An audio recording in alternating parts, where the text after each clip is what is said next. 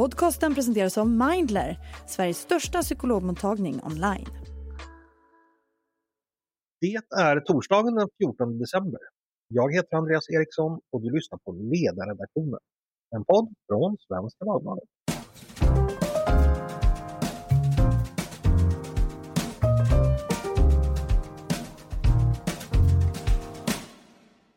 Varmt välkomna till oss igen. Igår avslutades, som ni säkert vet, FNs klimatkonferens i Dubai, COP 28. Vi har under den senaste tiden hört väldigt mycket om det. Men vad var det exakt som avhandlades på det här mötet? Vad kom man till slut överens om? vad innebär den överenskommelse som till slut slöts?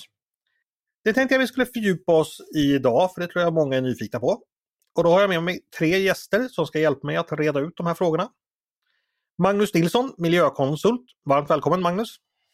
Tack! Anna Willman från den gröna och liberala tankesmedjan Fores. Varmt välkommen du också Anna! Tackar, tackar! Och så Hanna Stenegren från den marknadsliberala tankesmedjan Timbro. Varmt välkommen du också! Tack snälla!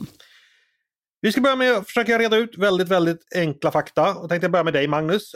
COP 28 eller COP 28, vad är det för någonting egentligen?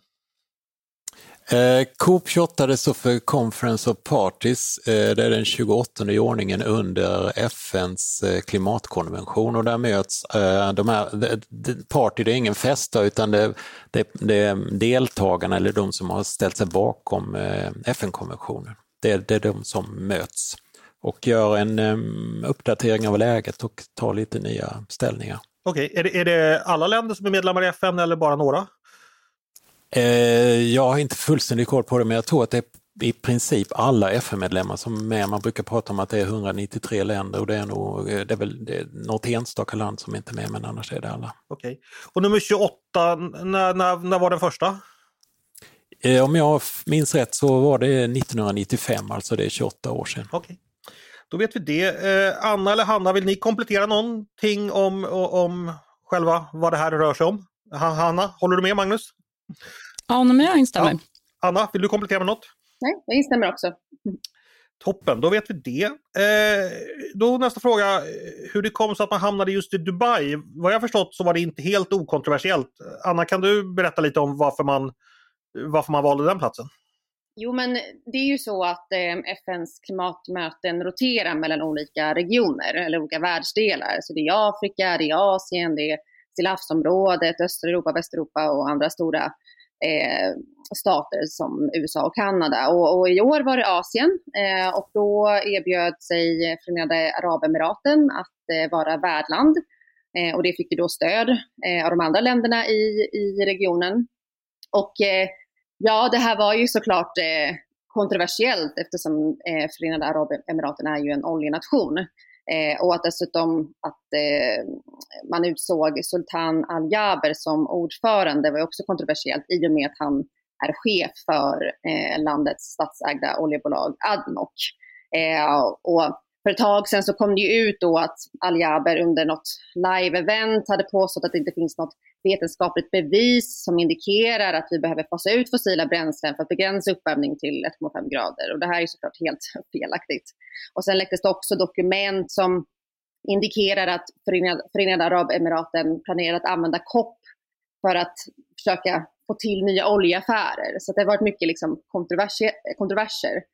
Eh, men sen inför mötet så, så var det också många som påpekade att det kanske rent av eh, var bra att det hölls i en oljenation eftersom oljenationerna också måste gå med på att fasa ut olja. Eh, och om ordföranden är från en oljenation och dessutom är chef för ett stort oljebolag så har han kanske också bättre förhandlingsmöjligheter och kan övertyga andra oljenationer att ställa, ställa upp på ett ambitiöst klimatavtal. Men jag vill säga, det kan ju också vara så att, att han hade stort inflytande eftersom oljenationerna till slut gick med på att inkludera fossila bränslen i, i det här avtalet. Ja. Okej. Okay. Vad, vad, säger du Magnus, påverkade det här mötet val av plats och val av ordförande och att det blev diskussioner om det? Hur, hur tror du det påverkade mötet om, om alls? Ingen aning. Jag tror att det ligger en del i den där hypotesen att eh, låta eh, så att säga, den, den elake i, i kretsen ta hand om det här för att eh, eh då kanske de tonar ner sin, eh, sin påverkan i så att säga negativ riktning. Jag, jag tycker på utfallet här eh, eh, tror jag det är lite svårt att säga att det är starkt påverkat av oljeintressen. Det hade nog blivit ungefär så här oavsett var man hade hållit det, skulle jag tro. Okej. Okay. Hörrni, jag tycker ju att det har pratats väldigt mycket om det här mötet. Eh, vad säger du Hanna? Har det här mötet varit speciellt? Har det funnits speciella förutsättningar eller förväntningar som gör att det här blir, blir extra viktigt? Skulle du säga? Ja, men dels eh, just det här som Anna beskrev, att det har varit väldigt låga förväntningar på det här mötet just på grund av att det har hållits i liksom ett, ett av de så kallade oljeländerna. Eh, och att just eh, vem, eh, chefen var också då, eh, att han var inblandad i statliga oljebolaget. Eh, så utifrån det så har det varit låga förväntningar. Men på själva liksom mötet som sådant så är det här en, en eh, timing som det är första gången som länderna ska, skulle hålla den här som kallas för Global Stock Take, alltså en, en utvärdering av hur långt länderna har kommit i sina klimatarbeten då, ehm, för att nå Parisavtalet. Så utifrån det perspektivet så har det här ansetts av många som det viktigaste mötet efter Parismötet 2015 där Parisavtalet sattes. Okej, så det, det, det, var, det, är det viktigaste mötet sedan 2015? Eller det, var vad man tänkte innan att det skulle bli alltså? Ja, precis. Just för att första gången man skulle göra den här utvärderingen, eh, hur, hur det går. Eh, och eh, den här utvärderingen då ska ligga till grund för att eh, alla länder ska eh, uppdatera sina klimatåtaganden om ett par år. Okej, okay, ja, men då är jag med. Då förstår jag varför det var så viktigt. Bara en fråga till er alla. Det, har varit, det här var den 28 i ordningen. Är det någon av er som har varit på en sån här klimatkonferens? Aldrig. Nej, inte jag heller. Jag, jag har varit på tre. Jag var i Paris 2015 eh, där, wow. okay. eh, vilket var väldigt speciellt. Ja, eh, var ett, ett bra första, första möte. Eh, och sen var jag ett par år senare på det som Fiji var värdland för, men som tyvärr hölls i lite mindre exotiska Bonn. Eh, och sen så var jag något år senare... Ja, och sen det fortsatte. Eh, sen var det Katowice, eh, kolmeckat, ja. Eh, som var mitt nästa. Då, så att, ja. Men då kan du kanske ge oss lite, lite inblick i de här mötena. Vad är, vilka är det som är där? Alltså vilka är det som, vilka är det som sitter och förhandlar? Är, är det massa tjänstemän från massa olika länder? Antar jag. Ja, alltså, Ja, dels har man ehm, eh, inför de här mötena så har man också eh, möten på tjänstemannanivå utspridda över året där man då försöker komma framåt. Eh, och eh, de här mötena brukar också vara indelade, de är ett par veckor långa så det brukar vara att det är tjänstemännen som Eh, driver första delen och sen så brukar ministrarna komma då på plats sista delen av mötet för att liksom då är de verkliga liksom high level-samtalen där man inte på tjänstemannanivå har lyckats lösa ut knutarna. Så det är därför det alltid det svåraste kvar till sist, för det är där du behöver de politiska ledarna för att faktiskt kunna komma framåt och lösa ut det som behöver lösas ut. Okej. Är det aktivister och lobbyister och är, är sådana där också? Ja, jättemycket. Eh, det är, det är liksom två eh, zoner man brukar prata om. Där liksom en som är den politiska zonen där alla förhandlingarna sker i olika rum, i olika konstellationer, olika frågor. Eh, och sen så har du eh, länder har, liksom, man pratar mycket om paviljonger, att man har som, som utställningar, alltså lokaler för där man håller olika typer av eh, föreläsningar och seminarier och har liksom informations, visar upp sig vad man gör i sina länder. Eh, företag brukar vara del av, av delega, ländernas delegationer, eh, så man brukar ofta liksom passa på att fokusera på, på vad, man, vad man gör då i de olika länderna. Eh, civilsamhället brukar också vara en del av det här. Eh, och sen så har du den här andra zonen då där, där inte de politiska samtalen sker, men där eh, liksom vem, vem som helst eh, nästan kan, kan komma dit och man behöver ansöka då om en sån här eh, inträdesbadge och så. Men där, där, är, där är civilsamhället och liksom samhället runt omkring som, som verkligen är representerat. Och det brukar beskrivas som liksom, det, är där, den, den, det är roligast att vara där. Det det är mest drag och händer mest. Och, eh, sådär. Det kan jag livligt föreställa mig. Lite Almedalen ja. alltså? Ja, men så. Ja, men exakt. Eh... I liksom gånger, ja, upphöjt till till tio typ. Jag kan tänka mig att det förekommer en del sociala aktiviteter, eh, mingel och, och skålande och sånt där också? Ja, absolut. Och just att det, det pågår ju så otroligt många aktiviteter eh, samtidigt. Eh, och det här eh, var ju, tror jag, det största COP hittills. Så att just det där att, att när man är på plats, så just den här stressen över, alltså om, om man någon gång har känt Almedalsstress över att det händer mycket saker samtidigt och man vet inte vad man ska prioritera och hur man ska hinna med att gå på allting. Så det är ingenting mot, mot stressen här, att just hänga med och vara på, på allting. Och så brukar man också ha indelat olika dagar, så att det finns en energidag till exempel, en livsmedelsdag och så, där man försöker då sätta lite extra fokus på, på en viss fråga för att liksom försöka eh, göra det enklare eh, att gå på det man, man tycker är riktigt intressant. Behöver man någonsin betala för maten eller bjuds man på det? Oj, bra fråga. Um, jag tror... Ja, men exakt. Jag har för mig, så som jag minns det, att, man, att det fanns liksom lite kafeterier eh, inne där, där man liksom betalar för sin mat. Men att på evenemang och så, så kan det ju bjudas Ja. på, på saker. Eh, och att jag tror kaffet var... grö- Det är också så här, man brukar, jag vet att EU-paviljongen, när jag var i Paris, så hade EU-paviljongen bjöd på kaffe. Så det är en sån grej också, styr lite grann vart man går och man vet att det finns lite sånt. Okej. Stort tack för den här inblicken. Eh, Magnus, blir du sugen på att åka? Nej, jag vet inte.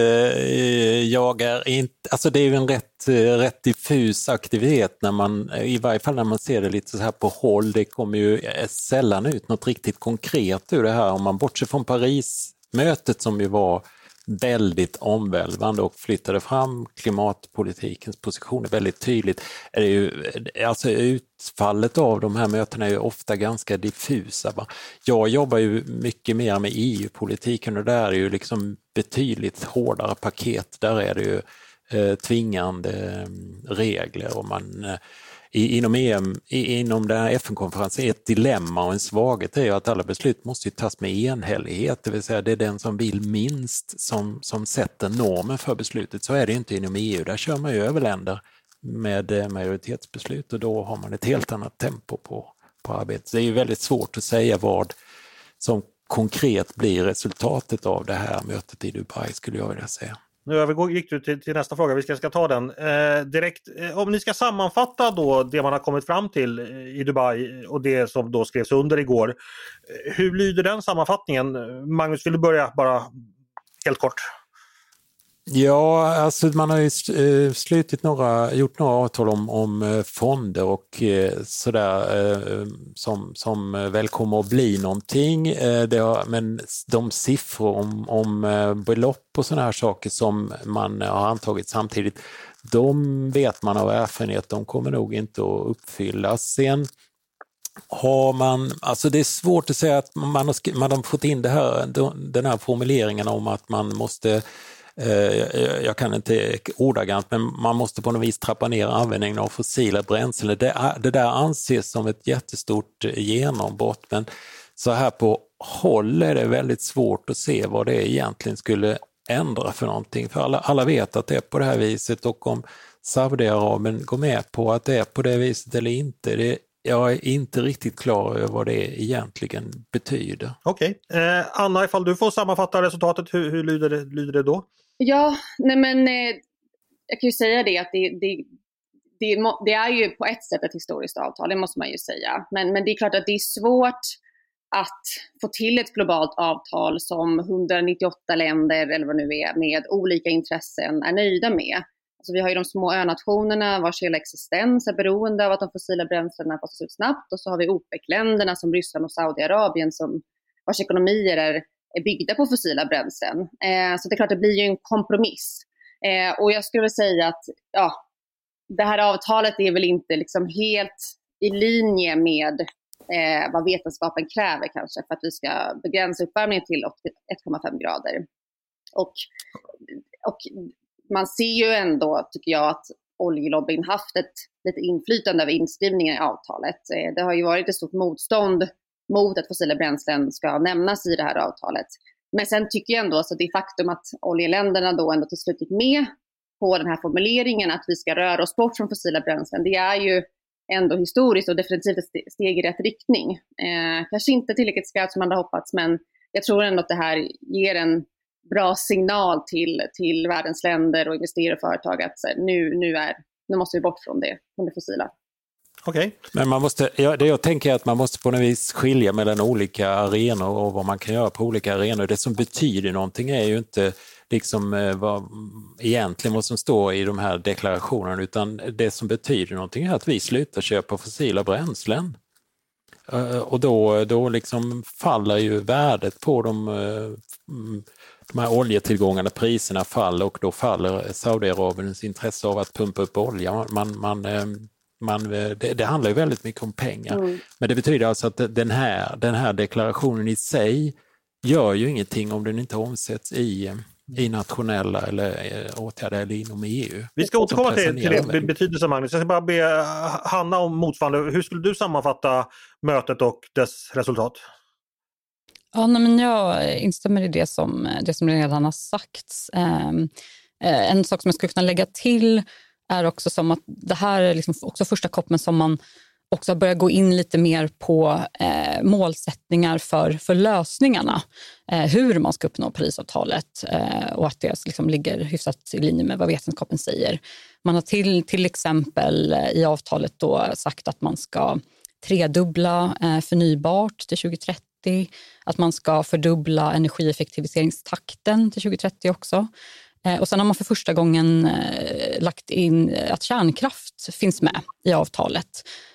Det finns i nuläget bara med som en bisats på att länder ska främja accelererad utveckling av teknologier som bidrar till övergång bort från fossila bränslen. Men att det för första gången med är också en viktig milstolpe för, för kärnkraftens betydelse för klimatomställningen. Okay.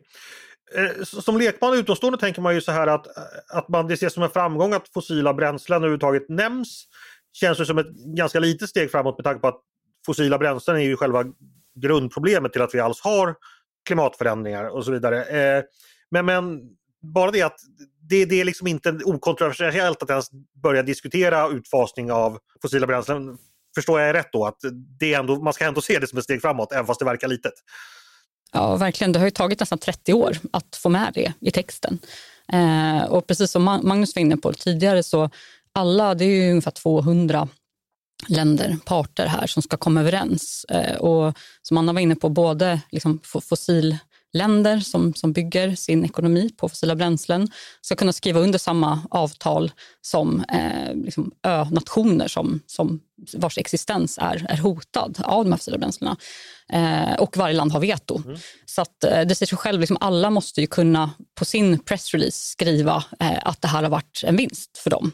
Och då blir det svaga skrivningar och det blir skrivningar som går att, går att tolka eh, på lite, lite olika sätt. Eh, och det är just det som Magnus var inne på också, så här, hur, hur länderna väljer att tolka det som finns. Man var ju väldigt besviken, eller många var väldigt besvikna efter Parisavtalet att, att skrivningen, skrivningen om 1,5-gradersmålet inte var skarpare än det var. Men det har ju visat sig att det är ändå 1,5-gradersmålet som, som är i fokus och har blivit i fokus. Så att just vad, vad länderna väljer att göra med det här och ledarskapet i de stora länderna eh, kommer ha väldigt stor betydelse. Och EU har ju byggt hela sin nu, att man har uppdaterat sitt 2030-mål och ver verkligen gjort lagstiftningen väldigt skarp. har man gjort på, på basis av Parisavtalet och på de här, det som kommer fram i de här förhandlingarna. Okej. Okay. Eh, då är nästa fråga då, vad det här betyder. Magnus, du har redan varit inne på det, men, men hur stort är ett sånt här avtal i praktiken skulle du säga? Alltså, har det någon betydelse och i så fall vilken? Alltså som, som Hannes sa, Parisavtalet har verkligen haft betydelse och de här eh, temperatursiffrorna eh, spelar ju en stor roll. Va?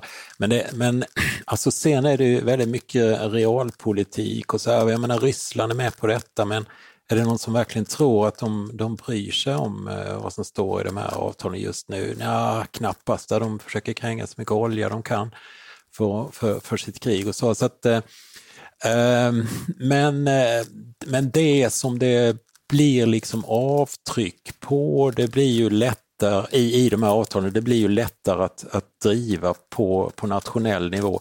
EU är ju Eh, lite speciellt för att jag fick intrycket av att liksom när, när, när man då hade skrivit in det här en och en halv gradersmålet, då, då de flitiga kommissionstjänstemännen de eh, går hem på arbetsrummet och säger ja men då ska vi väl genomföra det här och så levererar de förslag på det och så blir det plötsligt verklighet. Men eh, så funkar det ju inte riktigt i, i alla länder då.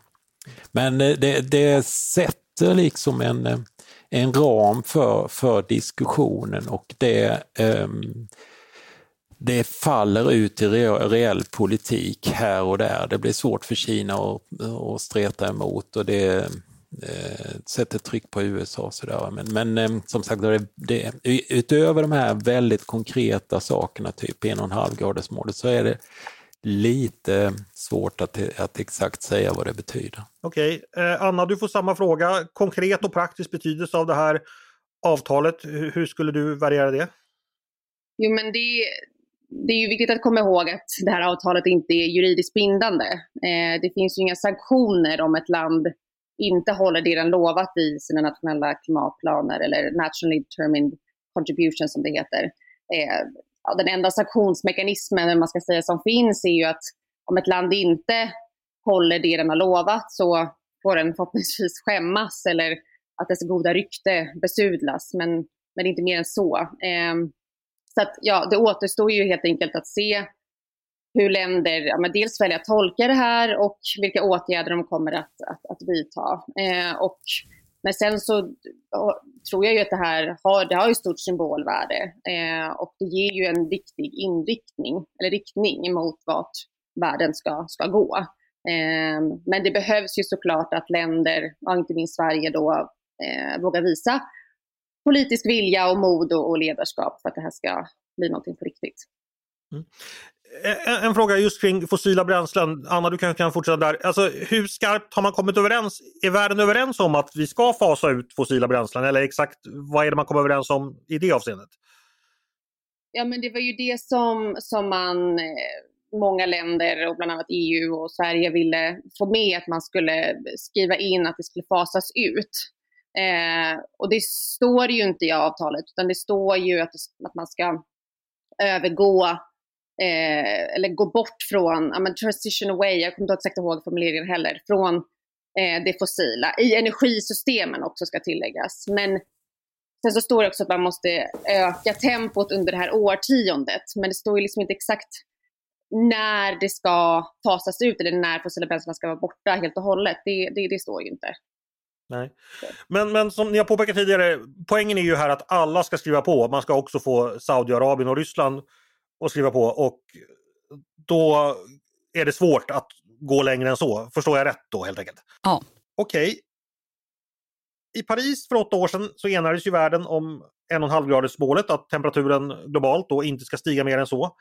Eh, kommer världen att nå det målet? Vad säger ni? Tveksamt. Tveksamt? Varför? Nej, knapp, knappast. Vi har, eh, det står väl i det här dokumentet tror jag att vi redan är uppe på 1,1 eh, graders temperaturhöjning och sen så finns det ju, eh, så länge koldioxiden stannar kvar i atmosfären så, så driver den på uppvärmning så det är nog, det är nog väldigt svårt. Ehm. Mm. Så det... Sen tycker man, ja. eller om jag får lägga till bara, alltså, just att det är också en definitionsfråga. Eh, att vi har, det kom väl här i mitten på november att, att vi, världen för första gången hade överskridit tvågradersmålet den dagen. Eh, och, eh, så att det ser ju ut... Eh, man behöver ungefär halvera eh, utsläppen alltså till 2030 men de ökar fortfarande och enligt prognoserna nu ser de ut att kanske minska några, några få grader utifrån vad, vad länderna har åtagit sig nu. Då. Så att Eh, att, att man kommer att överskrida, liksom, i alla fall på kort sikt eller under ett tag, 1,5 eh, graders målet känns givet. Men det är genom att minska utsläppen eh, och genom tekniska lösningar, att du till och med kommer kunna ta bort dem, så kan man då, så kan grad, alltså temperaturen i atmosfären sjunka. Så att på sikt eh, att ändå nå till 1,5-gradersmålet är inte uteslutet. Nej. Okej, okay. men får jag fråga, finns det liksom, eh, jag har dålig koll på det, finns det så att alla länder vet ungefär i vilken, har, har länder fått tak för utsläpp och, och, mål som de har satt eller är det bara vi i EU och Sverige som arbetar med det internt? Det finns inga mål globalt utdelade? Eh, liksom. Eh, alla, man har inte gjort, man, det var det man försökte göra i Köpenhamn 2009 där man hade väldigt stora förhoppningar på ett avtal, men det kraschade. Eh, och då insåg man att man behövde byta fokus från det här att, att liksom FN, att man uppifrån säger Eh, att så här, så här, mycket får ni släppa ut. Eh, så då vände man på det och eh, så hela Parisavtalet bygger på att länderna själva eh, utifrån de målsättningarna som finns själva då säger vilka som är deras mål. Och sen är tanken då att man då vart femte år ska uppdatera de här åtagandena och att eh, man då ska eh, ha mer ambitiösa åtaganden över tid. Mm, Okej, okay, då är jag med. Eh, tänkte övergå eh, lite, eh, gå ner i skala till, till svensk och europeisk del. Eh, Magnus, hur, hur, funkar det här? Är det Sverige deltar vi som egen part eller är vi eh, så att säga, under EU-paraply paraply i sådana här förhandlingar? Hur funkar det där? Uh, nu, jag är lite på lite hal is här, men jag tror att det är så här att formellt är det Sverige som deltar, men i, i, vi deltar via EU. Det vill säga att, att EUs länderna uh, deltar uh, kollektivt. Så att vi, Sverige har inget åtagande mot Parisavtalet, Nej. utan det är EU som har ett åtagande och i det åtagandet ingår vi. Så därför så det, ibland dyker diskussionen upp, uppfyller, uppfyller Sverige Parisavtalet? Ja, det funkar inte så. Vi gör det så gör vi det ihop med övriga länder inom EU. Okej. Är det någon annan som vill eh, rätta eller eh, komplettera Magnus där? Är det EU som är den relevanta parten här och inte Sverige? Ja, det stämmer. Det, Sverige ingår i, i EUs eh, åtagande. Okay.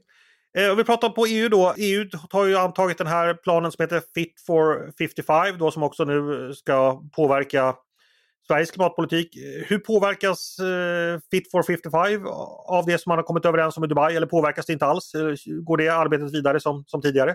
Får jag säga så här, alltså det här, det här Fit for 55, den, den klimatlag som som eh, e- EU antog för snart tre år sedan, det är egentligen en formalisering av EUs åtagande som lämnades in till, till Parisavtalet 2020. Och, och den här lagstiftningen som vi nu ser, det är, det är ytterligare en konkretisering av det här åtagandet. Fit for 55 flyttar liksom inte fram positionerna utan då, den positionen intog EU egentligen redan 2020.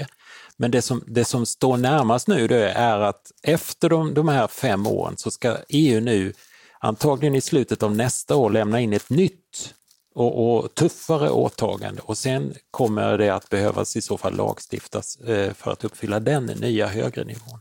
Ah, okay. Eh, vi passar på att fylla på lite med, med svensk klimatpolitik här. Det, det, senaste som skedde där var ju John Hasslers utredning som kom tidigare i år, i höstas. Där han då förklarade att eh, Sverige mer eller mindre omedelbart bör, eh, måste ha en ny, ny klimatpolitik på plats för att nå EUs mål. Eh, hur är läget där och hur är er bedömning då om svensk klimatpolitik eh, och eh, om Sverige kan uppnå eh, de, de, mål som vi satt. Vad, vad, säger du om, Anna om det? Vad är det senaste på den fronten?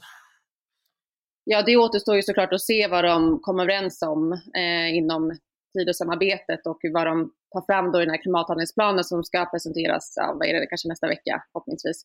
Eh, men jag tror ju att Ehm, man börjar förstå att, att man inte kan, eller att de här kraven som EU sätter är väldigt skarpa och är på sätt och vis i linje med våra nationella mål. Och om vi inte minskar våra utsläpp så, så att vi når de här målen så kommer vi stå inför stora liksom, böter. Så att jag tror att eh, jag hoppas att man hittar sätt att minska utsläppen. Och jag tror att och med de här minskade bränslepriserna och minskad reduktionsplikt så måste man hitta andra sätt. Och där kanske det här nationella utsläppshandelssystemet blir en bärande del i, i strategin att minska utsläppen. Okej. Okay. Ja. Vad säger du Hanna? Ja, men eh, svensk klimatpolitik går ju eh, egentligen längre eh, än, än eh, både EUs mål eh, och COP-målet. eh, klimatmålet är ju att eh, nå netto nollutsläpp 2045. Och sen så det som har hänt nu är att Sverige, när det gäller etappmålet till 2030 så har ju Sverige varit betydligt mer ambitiös än vad EU har varit. Men nu genom det här Fit for 55, det här, de här, det här stora lagstiftningspaketet som, som man har jobbat igenom nu, eh, så har EU kommit ikapp. Eh, så att till 2030 så, så ligger Sveriges och EUs klimatmål i, i linje med varandra. Eh, och så som jag tolkar John Hassler är just det där att, för att Sveriges eh, 2030-mål, eller klimatramverk, sattes ju för några år sedan och då Eh, har man lite olika sätt. Du kan, om du in, utsläppsminskningar som du inte gör eh, i Sverige kan du tillgodoräkna dig på olika sätt. Eh, och hur du kan göra det eh, enligt Sveriges klimatlag skiljer sig åt från hur du kan göra det eh, från EUs klimatlag. Så att här handlar det mycket om att titta över så hur kan vi använda både Sveriges eh, klimatlag och EUs för att vi ska göra de här åtgärderna så effektivt och så kostnadseffektivt som möjligt. Mm, okay. eh, Magnus, slutligen, vad, när du tittar i korten, vad, vad, vad, ser du då när det gäller svensk klimatpolitik eh, närmaste tiden? Alltså, eh, jag skrev en blogg häromdagen och jag hade gått gick igenom siffrorna och, och, och så här, Och det är så att Sverige ligger otroligt illa till Eh, det, det man, genom att man slopar den här reduktionsplikten, sänker eh, eh, drivmedelsskatt och sånt så kommer nu de svenska utsläppen att sticka upp enligt regeringen med någonstans mellan 4 och 5 miljoner ton per år. Och det här handlar eh, det handlar i praktiken om eh, drivmedel därför att det är andra eh, utsläpp som, som spelar in också, till exempel från jordbruket, men där kommer det knappast att hända någonting. Så att när, när man tittar på de här siffrorna så måste enligt min uppfattning regeringen leverera konkreta förslag i handlingsplanen som kan börja ticka igång och ge utsläppsminskningar, ganska stora utsläppsminskningar åtminstone från nästa, halv, eh, nästa årsskifte. För gör man inte det, och då, redan då måste man alltså minska drivmedelsutsläppen med kanske 6-7 procent om året, vilket är väldigt mycket om man ser det historiskt. Om man skjuter upp de här åtgärderna ett eller två år, då hamnar man snart i en situation där eh, där jag bedömer att det är liksom inte genomförbart i ett demokratiskt samhälle att åstadkomma så snabba utsläppsminskningar. Och det här, den här situationen har man då hamnat i genom att man, man slopar reduktionsplikten och, och sänker drivmedelsskatterna utan att leverera något, några andra åtgärder som kompenserar för det här. Eh, jag, jag, tror att man på regeringskansliet är medvetna om hur panikartad situationen är, men den syns ju inte i media och den, det märkliga är ju också att oppositionen inte verkar ha förstått det här heller, att att eh, Tidögängets eh, förändringar har försatt Sverige i en väldigt problematisk situation. Bara så lyssnarna hänger med, nu nämnde du 4 till 5 miljoner ton i ökning. Hur mycket är det i procent ungefär i förhållande till helheten?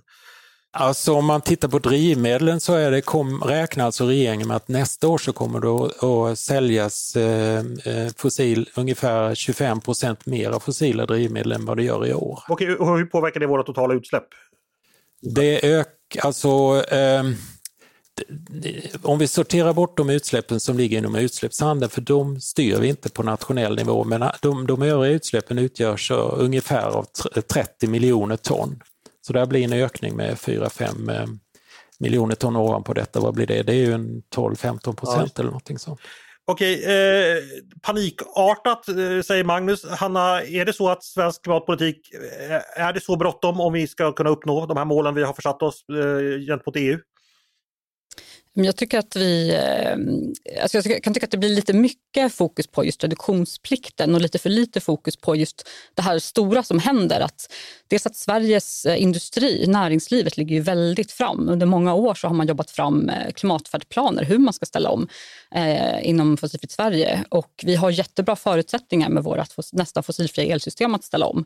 Så som jag ser det så handlar det just om att näringslivet ligger före och behöver förutsättningar från politiken. Och där handlar framför allt om att se till att vi får fram betydligt mycket mer elproduktion, fossilfri elproduktion av alla fossilfria kraftslag måste fram snabbt och vi behöver eh, förstärkningar i, i, nät och utbyggt nät. Och sen behöver vi korta tillståndsprocesserna så att eh, det här faktiskt kommer på plats och att företagen får godkänt för sina planer på att faktiskt eh, göra tillverkning och annat eh, mycket mer eh, klimatsmart. Så det ser jag som det absolut viktigaste nu under den här mandatperioden, att få på plats eh, rätt utveckling här. Okay. Eh. Får, får, får jag säga det att, att jag håller helt och hållet med om det. Poängen är att det som ligger inom utsläppshandeln, det är de stora industrierna, fjärrvärme, flyg och sånt. Va? Där rullar det på ganska bra. Va? Därför att där har man ett väldigt effektivt styrmedel. Släpper man ut så får man betala. Och, och, företagen jobbar på att slippa den här kostnaden och, och det, den, det, funkar väldigt bra. Utan det är det som den nationella eh, nivån har ansvar för. Och det handlar dels om, framförallt om utsläppen inom trafiken men också det här med kolinlagring som är en stor grej i, i, i media idag också. Där funkar inte politiken. Det nationella ansvaret funkar inte som det är just nu. Okej, eh, Anna slutligen då. Eh, Magnus säger att det är lite panik. Eh, Hanna tonade ner och pekade på andra. Va, va, va, hur lyder ditt omdöme om, om eh, den politiska eh, kraven som är på regeringen nu? Nej, men jag, jag har ju med båda två, att det, det är ju bråttom. Det är lite panikartat. Eh, vi måste ju se till att, det, att vi får ut eh, åtgärder som får ner utsläppen så att vi kan nå det här ESR-kravet från EU då bland annat. Men sen behöver vi ju också satsa på de här Eh, det som John Hassler i sin utredning beskriver som politikområde två, alltså vi behöver en politik som underlättar den här strukturomvandlingen och då handlar det bland annat om att korta ner tillståndsprocesser, att få ut infrastruktur och, eh, energisystem och allt det där. Eh, men sen behöver vi också eh, som sagt hitta sätt att få ner utsläppen nu när reduktionsplikten eh, har sänkts och även bränslepriserna. Eh, Okej, tack för det. Eh, vi ska ta och runda av. Nästa gång då eh, världen ska mötas och prata klimat, jag antar att det kommer heta COP29, då blir det i Baku. Eh, vad kommer man eh, prata om då, tror ni, om ifall ni får spana in i framtiden? Vad säger du Magnus? Ja, vad kommer man att prata om då? Man, eh, länderna ska ju jobba med sina uppdaterade eh, åtaganden då. Eh, det kommer man nog att prata om. Jag tror att man kommer att prata om det här med fossilbränslen igen, att eh, de länderna, de, de, den övervägande majoriteten vill ju ha tuffare formuleringar nu vid det här mötet och jag tror att de kommer inte att ge sig utan de kommer att jobba på det. Mm. Eh, det är lite killgissningar det här men jag, jag skulle tro att det är... Det är sådana, det är sådana vi ledarsidor lever på Magnus. Mm. Eh, Anna, vad säger du? Vad, vad, vad, kommer man prata om nästa gång man möts i Baku? Eh, ja, en sak som man inte kom överens om nu och som jag förstod det är det här artikel 6 om, om klimatsamarbeten. Eh, det, det, man lyckades inte komma överens där om hur det skulle se ut och, och så. Så jag tror att det kan vara en fråga för nästa år också. Eh, förhoppningsvis kommer man överens då, men det ja, verkar ju svårt. Och Hanna slutligen, ifall du får eh, spå lite i framtiden, vad blir det brännande nästa gång? Mm, om jag fortsätter att lägga till lite här på, på tjejgissningslistan i mitt fall. Då. Eh, så jag tror fortfarande just det här med, med eh, betal, alltså pengar till de här fonderna man har fått på plats och eh, att de fortfarande kommer att vara för lite och just vilka som ska få tillgång till pengarna och hur. Eh, det kommer fortsatt vara en stor fråga tror jag. Eh, och sen så hoppas jag att eh, kärnkraften kommer in eh, lite mer nästa gång också. Nu har man ju liksom gläntat på dörren till att det, i alla fall, att det är med, så kanske att man kan få lite tydligare skrivningar om på vilket sätt den bidrar i klimatomställningen.